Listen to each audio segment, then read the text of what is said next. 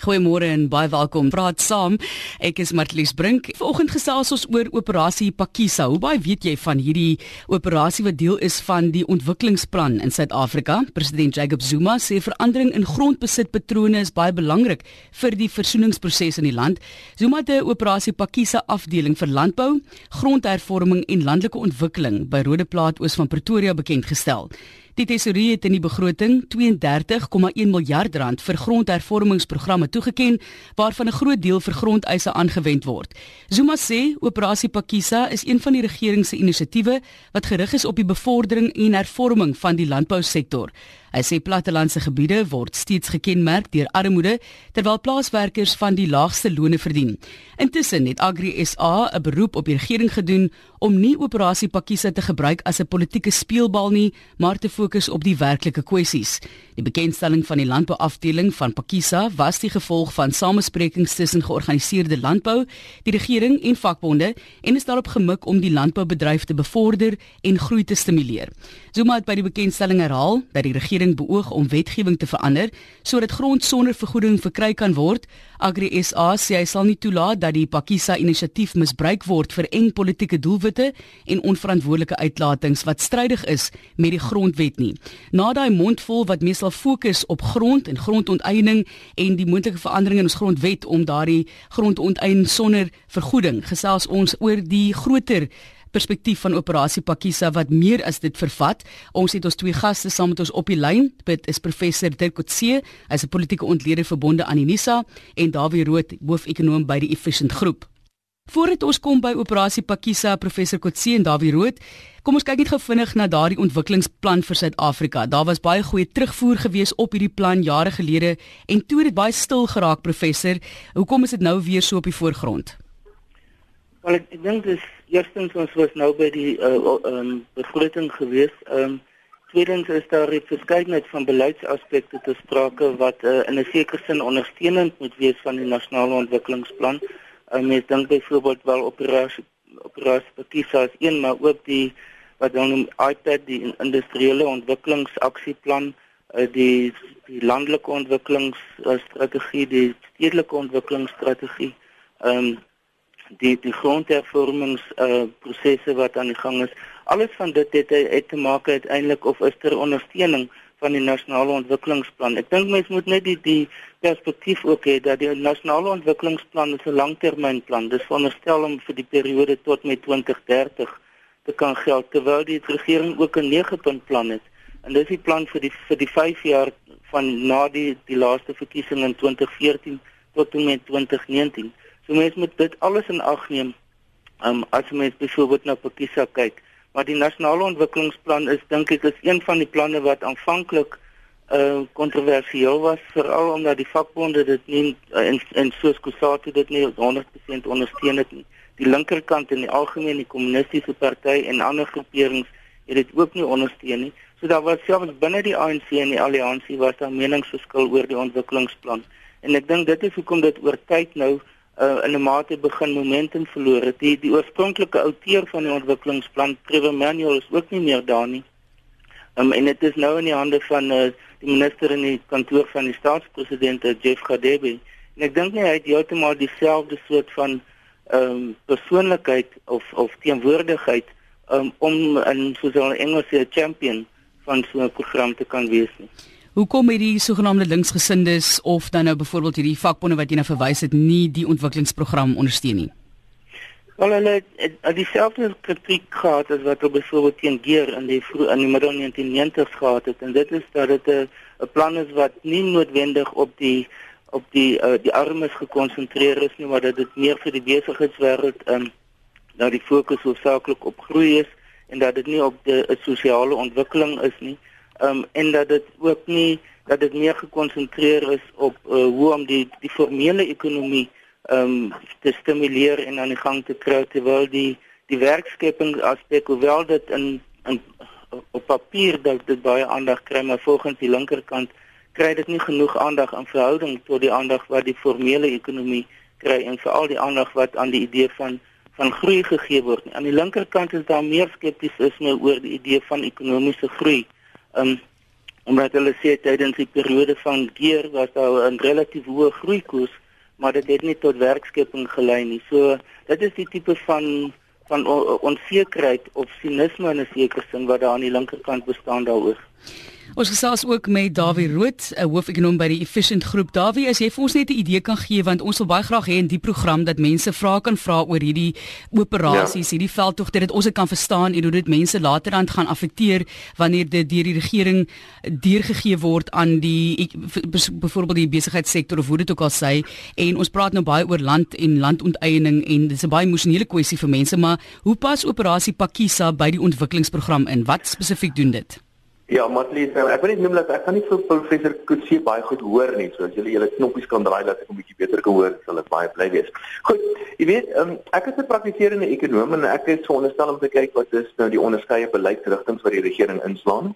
Uh in die proses moet ek nou kyk na beleggingsmoontlikhede en ek moet mense adviseer, buitelandse en binnelandse beleggers oor wat die wat wat die verwagtinge is in terme van ek, van die ekonomie en wat die verwagtinge is in terme van van watter beleidsveranderings moontlik ver, verwag kan word.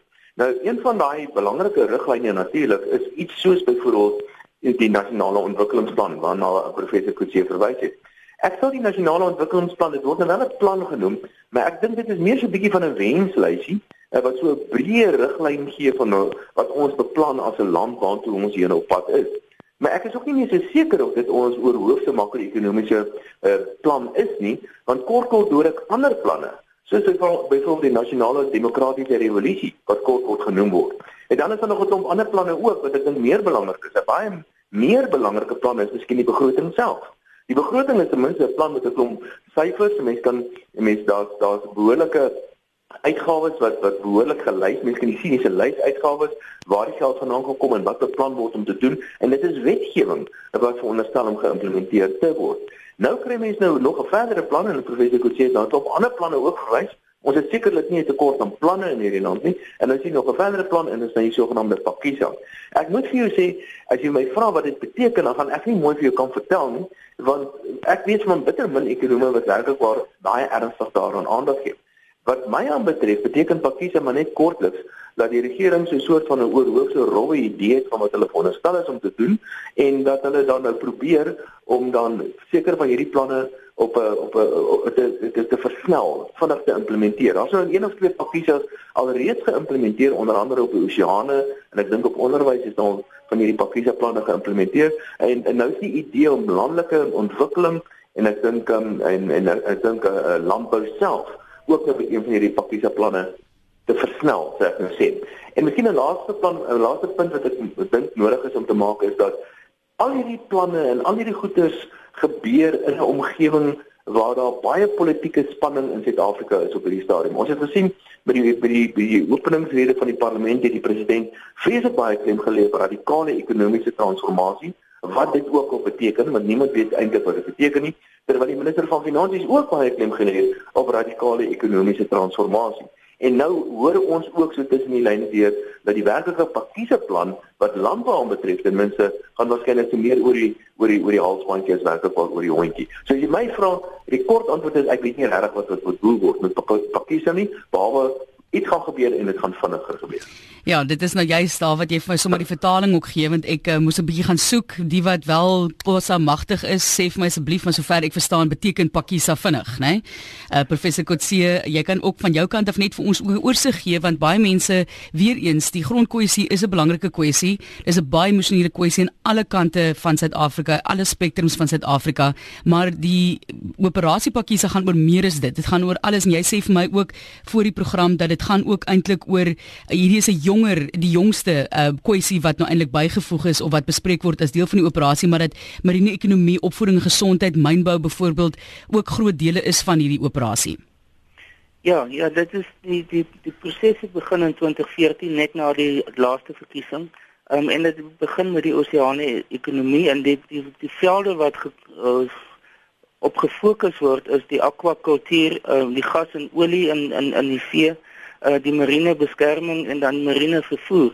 Nou mens op die laaste punt um, byvoorbeeld ehm um, is daar groot konsentrasie nou op die opgradering van van hawens. Uh, die miskien die die mees prominente een ehm um, is Saldanha Bay of die Saldanha hawe wat uh, vir vir al die jare het dit uh, ystererts uitgevoer maar die as gevolg van die dalende behoefte daaraan um, is dit nou besig om is Saldanha besig om nie meer baie suksesvol te wees as 'n hawe nie. En dit is nou word gaan in die toekoms om omskep word um, in 'n depo waar uh, olie veral olie maar ook gas uh, opgegaar gaan word. Um, dit is reeds in die verlede gedoen en dit is een van die, dit gaan uiteindelik een van die grootste opgaarpunte in die wêreld wees uh, van olie en nie net van Suid-Afrikaanse olie nie maar ook van ander lande. Daar word selfs gepraat van Iran uh, wat dit moontlik kan gebruik ook kleiner hawens daar byvoorbeeld 'n hawe soos die Gordons Bay hawe gaan blykbaar opgegradeer word maar ook ander hawens. So dit is een aspek daarvan. 'n um, ander aspek is in die geval van gesondheid um, en ek dink die die punt wat mense moet maak met die die bedoeling van operasie Pakisa is dit dan dat dit nie na die hele sektor kyk nie. Dit probeer spesifieke punte identifiseer en net daarop konsentreer. Soos byvoorbeeld in gesondheid is dit die idee van om klinieke te opgradeer um, om die sogenaamde ideale kliniek is is die fokuswoord wat gebruik word. In die geval van opvoeding weer eens is dit nie alles van opvoeding nie, maar is dit hoe om die om om skole uh, aanlyn te kry, hoe om die die inligtings en kommunikasie tegnologie nader na die skole te bring. Ehm um, in die geval van mynbou is daar verskeidenheid van aspekte te sprake en en nou landbou is nou die afgelope paar weke eers uh, aangekondig. So dis nie iets wat dit dit dit vind dus in fases plaas hierdie verskillende sektore van die ekonomie wat wat betrokke raak. Ehm ek dink die die interessante punt is dat ons leen hierdie hele idee van Maleisië wat in 2009 daarmee begin het en hulle praat hier van die groot vinnige resultate 'n metodologie wat hulle wil gebruik en dit word amper klakkeloos nou deur die Suid-Afrikaanse regering oorgeplaas hiernatoe um, om dieselfde te doen en dan wat hulle doen is hulle gebruik ook die konsep van om laboratoriums te hê. Dis eintlik wat ons sal sê werkswinkels uh, waar 'n groot verskeidenheid van van uh, uh, belangegroepe bymekaar kom um, en dan op hierdie spesifieke fokuspunte konsentreer um, en dan probeer om om 'n diagnose te doen maar ook baie spesifieke um, teikens te stel wat dan binne 'n relatief kort periode bereik kan word. So dis die die ideaal, dis die model wat ons spraak is Ehm um, ek dink die die groot probleem is is dat die regering dit nie verduidelik aan die publiek nie. Ja. Ehm um, en ek dink dis hoekom baie mense nie nie weet waarvan ons praat as as Pakisa te sprake kom. Ons het vir Connie van Dana baie man wat gereeld saamgesels op die lyn. Kom ons hoor wat sy opinie of vrae is oor operasie Pakisa. Goeiemôre. Môre Martelie, jy twee gaste. Uh ek sal die ekonomie skiep en hoor by uh professor rondom operasie Pakisa. Wat dink hy hoekom sou president Zuma verwarrende politieke retoriek saai en dan 'n mening huldig of 'n uitspraak die regering wil grondvat sonder vergoeding? As ons kyk na operasie Pakisa, sit ons met sewe werkende groepe, 27 implementeerbare inisiatiewe wat vorendag kom. En dit is ge spesifiek gerig op groei en transformasie in die landboubedryf. Ek dink dis baie onverantwoordelik van die uh, van die van die uh, president om sulke uitsprake te maak wat direk teen die grondwet is. Ons kyk na vennootskappe met die private sektor. Ek dink dit is alles in in in in lyn dan ook met hoofstuk 6 van die nasionale ontwikkelingsplan waar alle belanghebbendes in die landboubedryf in die sektor dan gevra word om 'n nuwe vlak uh van groei en stabiliteit vir ons te skep, mededingendheid en winsgewendheid. Nou, wat dink uh die professor, hoe En wat is uh president Zuma se se idee agter hierdie uitspraak? Goed. Ek bedoel, wil hy nou beweeg na na na Zimbabwe uh terrein of of of of hoekom dink hy word hierdie uitspraak gemaak? Mooi dag vir julle, ek luister. Dankie Connie, ons het vir Paul van Sommer dit Wes, Paul jou punt. Goeiemôre, maar dis jou gaste, jy weet, en die hele storie van grondhervorming is voedselsekuriteit baie belangrik. So 2, 3 jaar terug die minister van landbou gesê dat 90% van alle grond wat oorgedra is Sy gesê lê selfe, maar ander woorde eens vrugbare plase word nie gebruik nie. Jy weet ons is uh, die 13 uh, uh, droogste land ter wêreld. Ons gemiddelde reënval is 450 mm uh, vergelyk met die wêreld wat dubbel is op 860 mm. As jy byvoorbeeld Zimbabwe toe ons al 3 ton uh, mielies af van 'n dooie hektaar, Zimbabwe al 9 ton af, 3 keer soveel. Hoe van Afrika, hoe meer af, maar die VVO moet van Suid-Afrikaanse boere hierdie droë land uh tot 'n uh, uh, miliese goed aankoop om 2 tot 3 miljoen mense Afrika in vrugbare Afrika uh van koste voorsien. So ek dink die regering moet dit baie goed agneem en nie politieke speletjies speel nie, maar dink aan mense wat kos gaan nie. Dankie Matelies. Baie dankie. Dit is Paul van Somerset West wat so sê. Connie van Dani Danabaai het gepraat oor politieke uitsprake. Paul van Somerset West wat ook terugkom na die grondonteeningskwessie, voedselsekuriteit wat geweldig belangrik is. Kom ons begin by die ekonom Dawie Rood. Ja, ek wil net ek moet sien jy het nou die laaste punt aangeraak, noem dit voedselsekuriteit wat ook genoem word in die pakkies op planne as deel van die rede vir hierdie uh, vir, vir in landbou wat ons wil probeer bereik in landbou. Ek persoonlik is nie te vreeslik te erg oor voedselsekuriteit nie, want ek reken enige land behoort deel te wees van die internasionale handel en as jy nie genoeg kos het nie, kan jy nie teenvoudig kos invoer. So voedselsekuriteit wat wat nou noodwendig sê dat ons moet genoeg kos vir almal in Suid-Afrika vervaardig, uh, dit op sigself dink ek nie behoort te motiveerder te wees om sekere veranderings aan te bring. Maar ek dink daar's twee punte wat ek graag wil noem. Die een het te doen met plaaslike ontwikkeling of landelike ontwikkeling en daar word nog baie klem gelê op landelike ontwikkeling en ek wonder of dit die regte ding is om te doen. Die rede hoekom ek dit noem is omdat dwars deur die wêreld is mense besig om te verstedelik en in Suid-Afrika bly meer as 50% van mense alreeds in stede en die stede is besig om werklikwaar uit hulle naadheid te bars. Daardie probeer ek nie sê dat jy moet nie die landelike gedeeltes ontwikkel nie, maar ek dink die realiteit is is wat mense met jou geld so goed as moontlik aanwend in terme van infrastrukturele ontwikkeling en jy gaan baie meer reg kry deur meer infrastruktuur te ontwikkel waar daar meer mense is. En ek is net bekommerd dat die regering te veel klem op landelike ontwikkeling ontwikkeling gaan plaas en uiteindelik uh, moontlik infrastruktuur daar kan skep wat nie behoorlik aangewend geword nie. Die tweede punt wat ek wil maak en dit gaan so breedweg oor landbou. Nou dit is ek wil so vingerwys na die regering en ook na boere. Is dat landbou of grond op sigself beteken eintlik absoluut niks nie. As jy grond vergelyk met 100 jaar terug met vandag, dan kom jy agter egter dat 1 hektaar dramaties meer produseer as 100 jaar terug. En hoekom is dit so? En die antwoord is ek, ek kan met eintlik op twee plekke vind.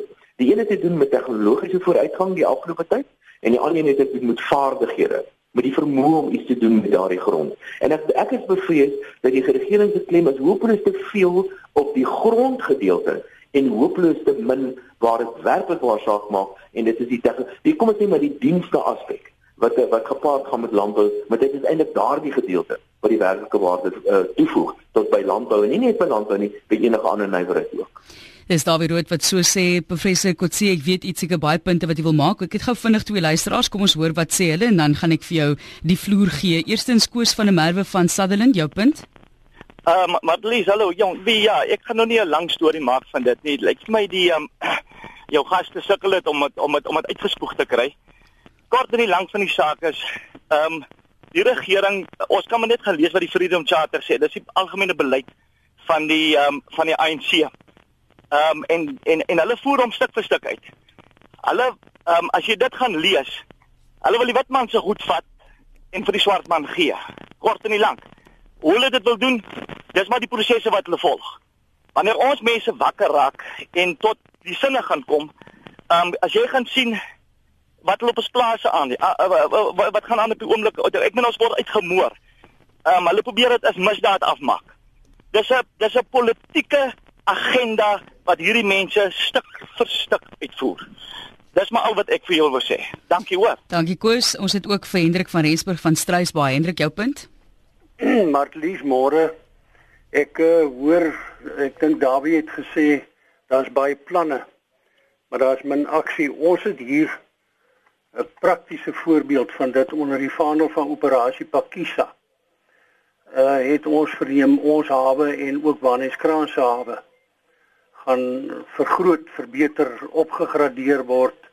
En daar's 'n geweldige klomp tyd en, en energie al daarin. En dit is dan nou om die vissersgemeenskappe wat swaar kry van werk te voorsien en vir hulle geleenthede te skep. En toe was daar nou 20 Februarie 'n groot saamtrek waar die direkteur-generaal van Vissershavens, meneer Govender en van die ander oor mense van sy departement 'n aanbieding gedoen het om nou die ding nou grond toe te bring en dat die plaaslike mense nou weet wat moet ons doen en weet jy wat vind ons toe daar uit? Daar's glad nie geld bewillig hiervoor nie. Pakisa wil nou voorstel dat ons plaaslike munisipaliteit met hierdie grandiose planne tot uitvoer bring en en, en ons het 'n goeie munisipaliteit. Maar wragtig, hulle het net net genoeg geld om die water in die lugte en die vullisverwydering te hanteer. Goed Hendrik. Uh my gevoel wat ek probeer oordra is dis 'n reuse plan, dis 'n groot proses. En nou toe ons by uitvoering kom, daar val die koek in die as. Baie dankie vir my bydrae. Dankie vir oproep Hendrik van Rensburg van Struisbaai wat praat oor die hawens en ek gaan vir professor Dirk Coetzee vra om daar kommentaar te lewer en ook van die ander punte wat jy graag wil bybring. Eerstens Koos wat gepraat het oor die Vryheidsmanifest, plaasmoorde wat hy glo is 'n politieke aksie en nie misdaad nie en dan Hendrik wat kom by die hawens en ek dink professor dit is 'n ding 'n geval van Suid-Afrikaners is goed met planne. Ons het 'n goeie grondwet, ons het goeie prosesse en beleide wat in in plek kom en dan voel hy natuurlik volgens Hendrik nou is daar nie veel aksie wat op die ouend uitgevoer word nie. Ja, dit ek dink weer 'n voorbeeld van ehm um, die probleem van die koördinering tussen die verskillende drie sfere van regering, nasionaal, provinsiaal en en plaaslik. Ehm um, en daar's baie voorbeelde daarvan. Daar's byvoorbeeld uh, die skepping van huise, uh, bou van nuwe huise is is is een goeie voorbeeld wat 'n provinsiale funksie is maar wat eintlik deur plaaslike owerhede in 'n groot mate gedoen word. Um, hierdie is 'n is, is 'n ander voorbeeld daarvan. Ek dink onderwys is 'n is 'n nog 'n voorbeeld daarvan. Ehm um, laerskool en hoërskool onderwys. Ehm um, sodat daar verskeie gevalle waar daar meningsverskil of net onduidelikheid is oor watter regeringsinstelling is verantwoordelik vir 'n spesifieke taak. Ehm um, ek dink die die uh, aspek wat miskien voor nog hierdie vraag wat belangrik is wat ek dink miskien nodig is om op te antwoord, um, is ook oor die die die kwessie van ontheining sonder kompensasie. Um, en die uitspraak van president Zuma daaroor. Ek dink wat mense moet nou in ag neem is is dat gister was daar 'n debat in die parlement gewees um, op grond van 'n EFF voorstel uh, wat spesifiek daarvoor gevra het um, en dit is deur al die politieke partye behalwe die EFF teengestaan. So baie kort na president Zuma se uitspraak het sy eie party en sy eie regering in die parlement dit afgestem. Ehm um, so ek dink dit is die die onduidelikheid in wat dit skep uiteindelik is is dat daar soveel verskillende uitsprake gemaak word oor aspekte wat baie emotief emosioneel van aard is. Ehm um, en en wat uh, uiteindelik 'n soort van 'n populistiese aard ontwikkel. Ek dink as mense in in ag neem en waarskynlik die verduideliking hoekom dit plaasvind is is dat Binne die ANC is, is dit 'n baie belangrike jaar hierdie met die verskillende konferensies wat plaasvind. Eers die die beleidskonferensie en dan daarna die nasionale konferensie. En wat president Zuma duidelik aan besig is, is om te doen is is om 'n 'n tipe van 'n agenda tot stand te bring um, op die basis van wat hy noem radikale ekonomiese transformasie. Um, ons het 'n sekere manier dit gesien dat uh, die minister van finansies dit op 'n sekere manier ook in die begroting voorgestel het. Hy was verplig om dit te doen. Hy kon dit nie eintlik op 'n ander manier doen nie. Um, en nou die geval met uh, ehm, media uitsprake oor die grond. Ek dink wat ons sien en dit is meer oor die ANC se politiek as wat dit gaan oor die ekonomie of die nasionale belange in die algemeen. Is dat president Zuma probeer om homself voor te stel in 'n meer radikale sin as wat tot dusver die geval was. En as ons teruggaan na die Polokwane situasie in 2007, toe hy teen uh, president Mbeki gestaan het, het hy presies dieselfde gedoen. Hy het homself voorgestel as die pro-arm, as die pro-meerkommende van die linkerkant. Um, en dit het uiteindelik gelei tot sy sukses by die nasionale konferensie. En ek dink die die plan wat hy in gedagte het is om dit te herhaal, om hom voor te stel as iemand wat links is in die ANC, as iemand wat dus na die na die werkers en na die arme mense op probeer omsien en op grond daarvan gaan hy probeer om die steun te kry of die ondersteuning te kry van vir die kandidaat wat hy in in, in gedagte het. Ja.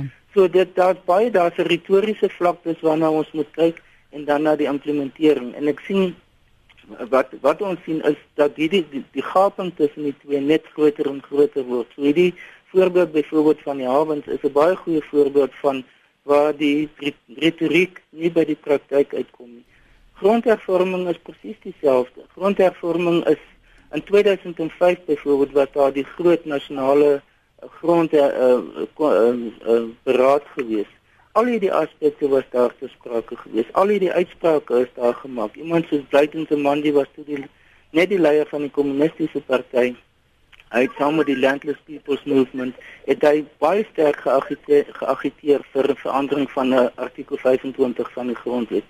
Ehm um, so wat ons in in sedertdien gesien het is nog steeds baie retoriek en ons sien 'n 'n soort van 'n opwelling van retoriek by groot geleenthede soos by verkiesings of wanneer daar belangrike geleenthede binne die ANC plaasvind. So ek dink mense moet aan die een kant die retoriek hoor, maar aan die ander kant kyk wat byvoorbeeld die departement van grondhervorming en en, en landelike ontwikkeling in die praktyk doen. Dit is professor Dirk Coetzee wat so gesels op praat saam. Ons het vir Nico van Pretoria, Dawie, ek weet jy het gesê sukkel om vir Dirk te hoor. Hy's baie duidelik aan my kant. Ek is jammer as van sy punte nie vir jou bereik nie, maar ek wil vir jou 'n bietjie vra oor retoriek en die impak wat dit het, het op die ekonomie. Maar voordat ons daarby kom, Nico van Pretoria, wat aanhou Nico jou punt? Goeiemôre. Ehm um, ek met alle respek wil ek net sê president Zuma en sy departement van landbou weet nie van uh, wat eintlik aangaan nie. Van 2010 tot 2016 is 17% van alle transaksies, plaastransaksies groter as 10 hektaar elk aan nie wit kopers verkoop. Uh net dit beloop uh 16,8%. Die totale oppervlakte te sprake is net oor die 3 miljoen.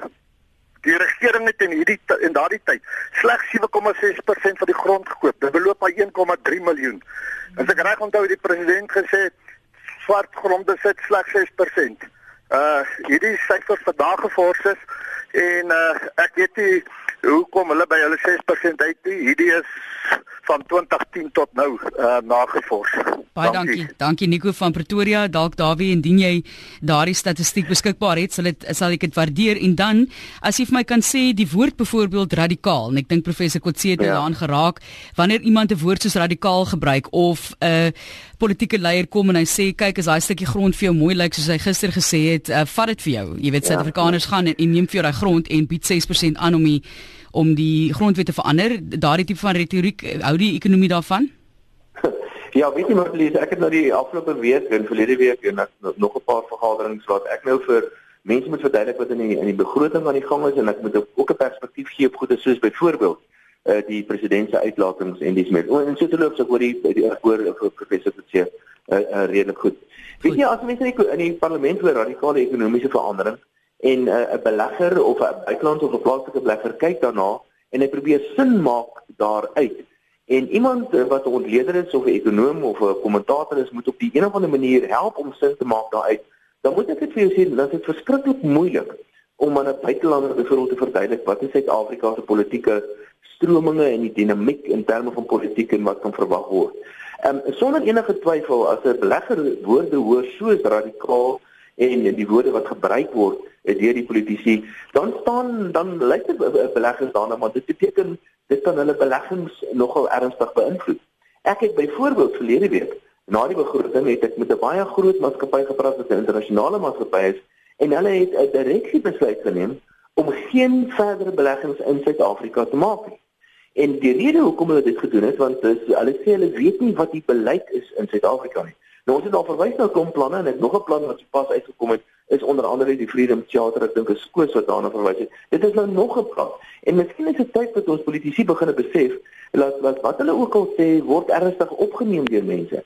En en dat as daar 'n plan op die tafel gesit word en dan dan verwag mense nou nogal dat die plan op 'n of ander manier uitgevoer word. En as dit nie gedoen word nie of swak gedoen word, dan dan dan het dit 'n impak op op die geloofwaardigheid van ons regering en uiteindelik het dit 'n impak op soos byvoorbeeld beleggingsbesluite besluite en op die ou en op die ekonomie self. Politiek is nie net 'n speletjie wat mooi klink en waarmee mense oor en weer vir mekaar goed skree nie. Politiek gaan daaroor om 'n politieke leiding te gee en behoorlike beleidsleiding daarmee saam ook. En ek is bevrees dit kry versekerlik nie by die regering vandag nie.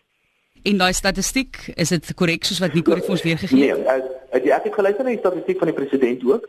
Um, daai statistieke verander so vinnig en dit is amper onmoontlik om werklik waar die vingerhoek te leef die korrekte statistieke. Wat ek wel vir kan sê is dat er is agtige groot stukke grond word deur die staat self besit, word deur die plaaslike owerhede besit en is onder onder onder beheer van verskeie ander instellings uh, in Suid-Afrika wat nie sê nou maar direkte blanke wit boere is nie. Dit is besig om dramaties te verander en ek dink ek het 'n paar syfers genoem en dit is heeltemal korrek. Die die die daar is 'n groot verandering besig om plaas te vind in die in die kom ons noem dit maar die eienaarskap van Suid-Afrika. En uh, wit mense spesifiek en ek het heelwat navorsing gedoen oor die onderskeie rasse.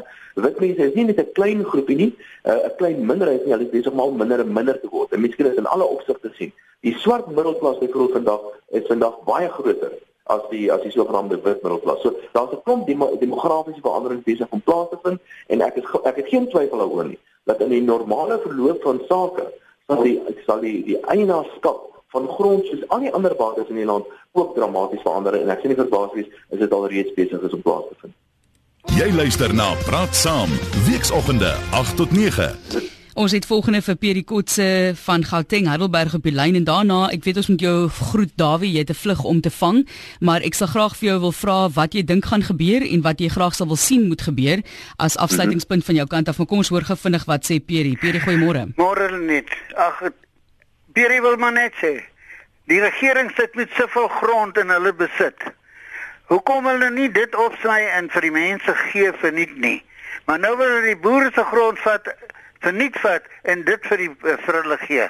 Daar is onbewerkte grond van hulle. Die boere het hard gewerk om hulle grond te bewerk, maar dit lyk my hulle die mense is te lui om hulle eie gronde te bewerk en uh, te boer daarop. Dit moet reeds die boere wees wat dit hulle reeds so gemaak het dat hulle dit kan oorvat. En dan maak hulle breek hulle die huise af en hulle uh, maak uh, uh, kajas langs die huise verkoop die sinke verkoop alles wat op die plaas is en op die uiteinde daar is daar niks aan die gang nie Baie dankie Pierre. Dis Goed gaan, baie. Pierre van Heidelberg wat so sê en voordat professor Kotse vir ons uh, daardie uh, punt ook beantwoord of daar daai land beskikbaar is, daai grond en en hoe mense dit kan vers, verdeel by mense. Laasens net van jou kant af uh, Dawie, jou siening van ja. wat gaan voorlê en wat jy graag ja. wil sien moet gebeur. Ek, ek dink Pierre raak aan 'n belangrike punt hierso en dit is dat ons moet werklik daarna begin kyk om hierdie landbou grond wat aan die regering onder die beheer van die regering is en wat aan die regering behoort En onthou grond, die regering is baie groot. Die staatsbeheerde instelling is ook deel van die regering. En ek stem heeltemal saam met ons met daardie daardie grond moet ons werklik vir mense gee. En op die ou end moet daai grond nie net aan iemand anders trust behoort nie. Daardie grond moet aan die individu behoort. Want dit is hoe jy werklik waar rykdom oor die langer termyn gaan ontsluit. Die tweede punt wat ek dink baie belangrik is en ek het dit al reeds genoem, grond is totaal waardeloos as jy iets daarmee doen nie. So die antwoord vir 'n behoorlike en 'n sterker en 'n en 'n en 'n winsgewende landbouebedryf in Suid-Afrika lê nie in grond nie, dit lê in tegnologie en dit lê in behoorlike uh, opleiding vir mense, vir vaardigheidsontwikkeling. En dan die derde punt en ons het dit ook eintlik al reeds aangeraak. Ons het 'n regering met verskriklik baie planne en voortdurend planne. En miskien het dit tyd geraak dat die regering nie meer doen nie, maar minder doen. Want in baie gevalle is die regering eintlik staan net in die pad van ekonomiese ontwikkeling en ek hoop die Pakisa gaan een van daai gevalle word. Baie dankie aan Dawie Rood, hoof-ekonoom van die Efficient Groep wat sy tyd vir ons afgestaan het. Professor Dirk Coetzee gaan verder met ons gesels oor hoe dit jou dan raak. Maar kom ons sluit gou vinnig aan by Nelly. As ek dit nou reg het, Nelly, jy moet gou vinnig net weer vir my jou naam en waar jy van waar van af jy is herhaal en jou punt asseblief. Ek ek is hier in die WP, ek is in die strand. Goed, jou punt vanoggend. Ek wil net praat oor die woord pakisa wat Dawie gesê het, hy weet nie wat dit beteken nie. En net daarna het hy 'n sin gehad waarin hy sê dit moet versnel word. Nou pakisa beteken gou maak. As jy in die ou tyd iemand gesê het pakisa, dan moet jy hardloop en jy moet gou maak. So dit is net wat ek wil sê. Hierdie pakisa beteken jy moet gou maak. Vat die boere se plase en dit's dit. Goed, wel, ja. Die die woord beteken seker dit nie, maar ja, die oop, ek weet nie of die afleiding dalk maar dankie Nelly. Ja, versnel. Ek het hom gehad as vinnig, so ja. daarom nie te ver weg. Baie dankie Nelly daarso van uh, die strand ook vandag hier op RSG. Professor Dirk Coetzee so, die implikasie van daai vertaling is dat eh, 'n uh, mens dinge nou moet bespoedig. Dit is nou 20 jaar plus, mense is is ontevrede en hulle voel dat daar nie genoeg verandering was nie. Dan kom daar statistiek wat sê daar is wel verandering as jy vir ons balans daar kan bring en dan laasens gesels oor marine ekonomie wat jy baie sterk oor voel. Ja, ek, ek dink die die hele idee van operasie Pakisa en soos ek sê, dit is nie goed gekommunikeer met die publiek in die algemeen nie was om net na die verkiesing van 2014 om sekere prioriteitsareas te identifiseer en dan om op 'n relatief grondvlak te probeer om dit te te versnel. Ehm um, hulle die Maleisiërs byvoorbeeld gebruik die idee van mense is, is geneig om te vlieg op 50000 of 30000 voet in 'n vliegtuig. Um, en jy sien net die groot prentjie, maar hulle wil beweeg op die vlak van 3 voet bo die grond. So dit beteken dit baie naby aan die grond en dit die veronderstelling is is dat werkbare uh prioriteite geïdentifiseer moet word of projekte geïdentifiseer moet word wat dan binne 'n kort tydjie geïmplementeer kan word. En ek dink wat waar daar byvoorbeeld sukses was was met skole en met die die aanlyn bring van skole. Daar's as jy mens gaan na die na die webwerf van die Operation Pakisa um, en dit dit bestaan, uh, word daar baie statistieke gegee oor wat reeds gedoen is en wat weer eens wat nie in die openbare oog is nie. Dieselfde met klinieke, die opgradering van van klinieke ook. Um, en dan soos ek nou genoem het die die marine ekonomie wat wat die eerste projek was van Operation Pakisa, ehm um, waarin daar baie doelwitte gestel is. Nou ons het nou goeie terugvoering gekry van op kleiner plekke soos byvoorbeeld Struisbaai, ehm um, waar die implementering daarvan problematies geraak het. Um, maar ek dink daar daar gaan ander voorbeelde wees wat ons sien waar daar wel resultate gelewer word. Ek dink die na president Zuma se eerste termyn as president eh, tot in 2014 het hy besef dat um, sy planne nie noodwendig 'n groot impak maak op die op die samelewing in die algemeen nie en dat as gevolg daarvan daar daar 'n plan moet wees um, wat meer direk resultate kan lewer. 'n aspek van van sy tweede termyn uh, veral hier rondom 2011 2012 was die konsentrasie op infrastrukturele ontwikkeling uit die bou of die opgradering van damme soos byvoorbeeld die Klein Willem dam damme in die Oos-Kaap uh, die bou van 'n nuwe pypleiding tussen Durban en Johannesburg en en soortgelyke forme van industrie uh, uh, infrastrukturele ontwikkeling nou dit het dit het begin plaasvind Ek dink die die frustrasie vir baie mense is eerder op die vlak van dienslewering. Ehm um, dat hulle dit dit wat die regering veronderstel is om te doen, dat dit nie plaasvind nie. Ehm um, as dit gaan oor byvoorbeeld infrastruktuur in dorpe of in stede, sanitasie wat nie behoorlik plaasvind nie, uh, probleme nog steeds met elektrisiteit of elektrifisering, watervoorsiening, die kwaliteit nie noodwendig die beskikbaarheid van water nie, maar die kwaliteit van water um, en en 'n veelheid van ander uh voorbeelde daarvan. En ek dink dis waar operasie, operasie Pakisa nie noodwendig uh, baie op fokus nie. Dit fokus eerder om op nuwe ontwikkelings um en om om om nuwe ekonomieë te probeer oopmaak. Dieselfde dink ek is uiteindelik uh ongeag dit wat president Zuma nou gesê het in sy bekendstelling van die jongste dimensie van in dit oor landbou en grondhervorming en en landelike ontwikkeling is dat uiteindelik as jy die sogenaamde laboratorium vergaderings of byeenkomste gaan plaasvind, gaan die fokus hoogs waarskynlik op baie ander aspekte wees. Um, ek dink my begrip van die benadering van die regering is byvoorbeeld om agribesighede te probeer stimuleer. Nou weer eens, daar's baie probleme daarmee met die implementering daarvan.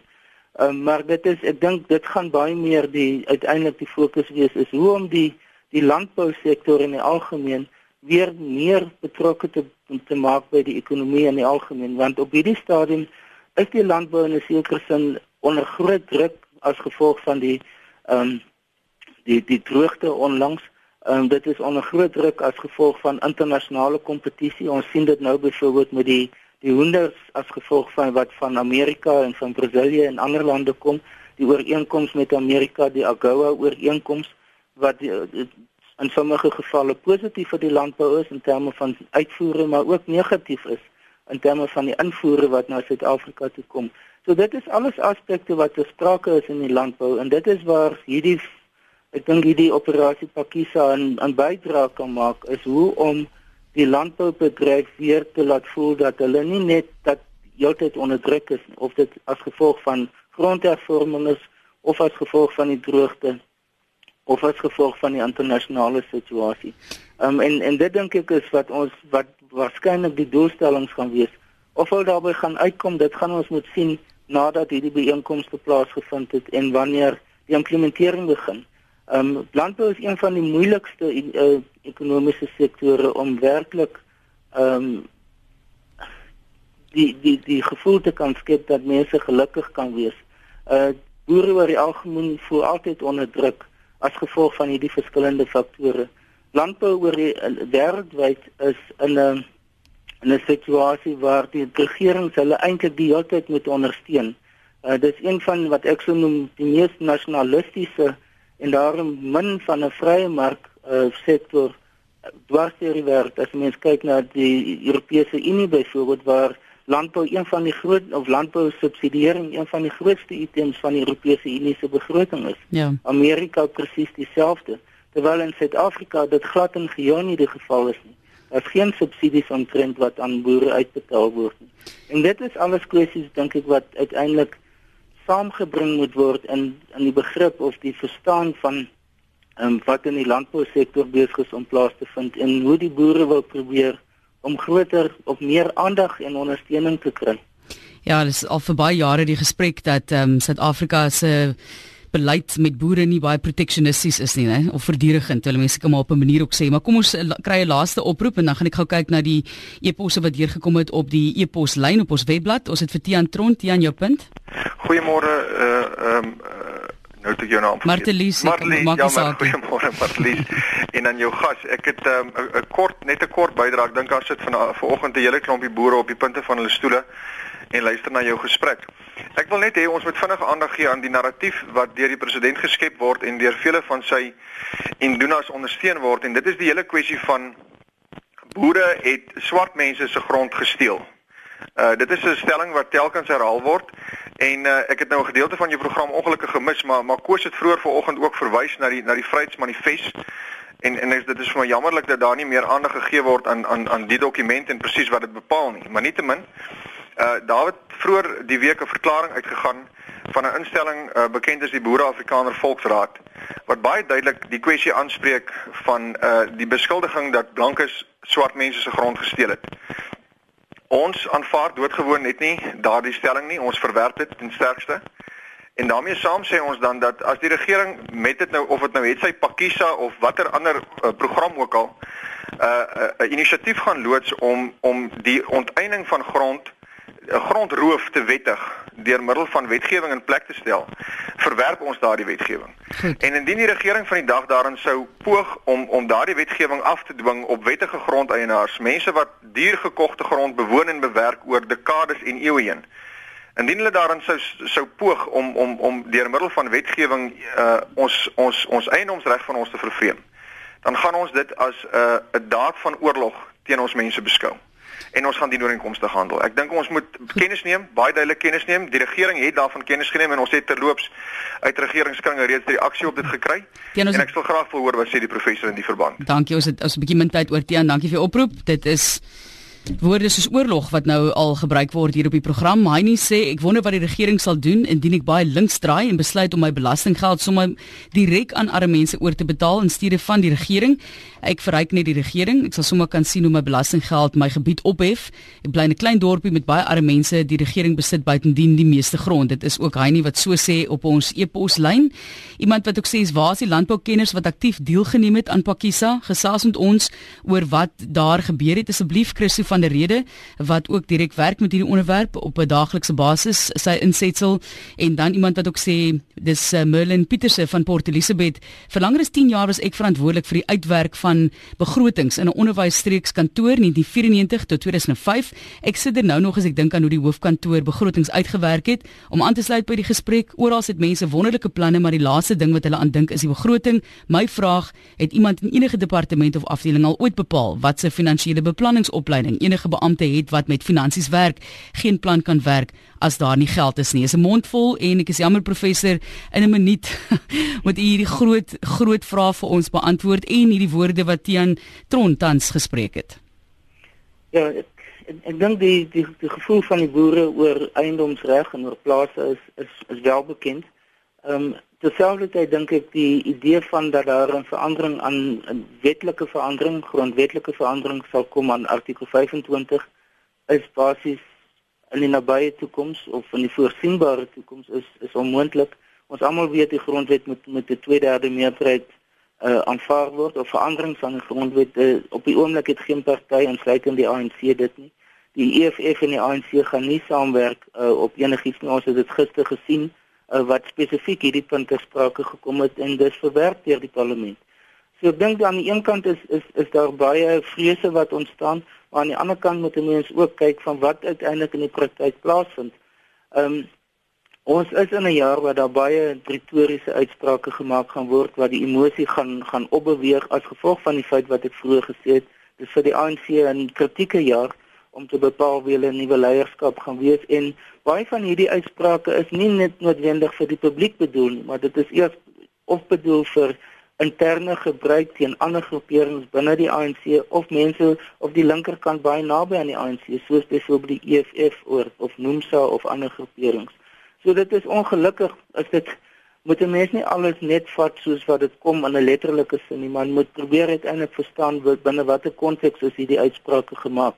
Die ongeluk is is dat dikwels mense hulle self sien as betrokke by daai uitspraak um, en hulle word dus baie senuweeagtig as gevolg daarvan ten spyte daarvan dat dit uiteindelik nie noodwendig vir hulle direk bedoel is nie. Uh die grondsituasie dink ek gaan sodra as wat hierdie jaar verby is wanneer die ANC se nasionale konferensie afgehandel is, sy beleidskonferensie afgehandel is, gaan die fokus op grondhervorming en uh weer verminder um tot en met 2019. Dit is soort van die die patroon wat gevolg word. Dis hoekom ek gesê het by groot geleenthede kom dit weer baie ter sprake as 'n belangrike fokuspunt binne die ANC, maar andersins moet 'n mens kyk wat op die grond van dag tot dag gebeur. Goed, professor. Dit maak nie 'n groot verskil uiteindelik aan aan die situasie soos wat dit nou is nie. Baie van dit gebeur eintlik op 'n buite die bereik van die regering in die sin van privaat transaksies en nuwe planne wat boere implementeer. Professor baie baie dankie en jammer dat ek jy moet kort knip ons sê baie dankie vir die deelname van professor Dirk Coetzee. Ons hoor sy ontleding gereeld op RSG en waardeer die feit dat hulle self beskikbaar stel. Hy's 'n politieke ontleder verbonde aan Unisa en ons het vroeër met Dawie Rood ook gepraat hoof-ekonoom by die Efficient Groep.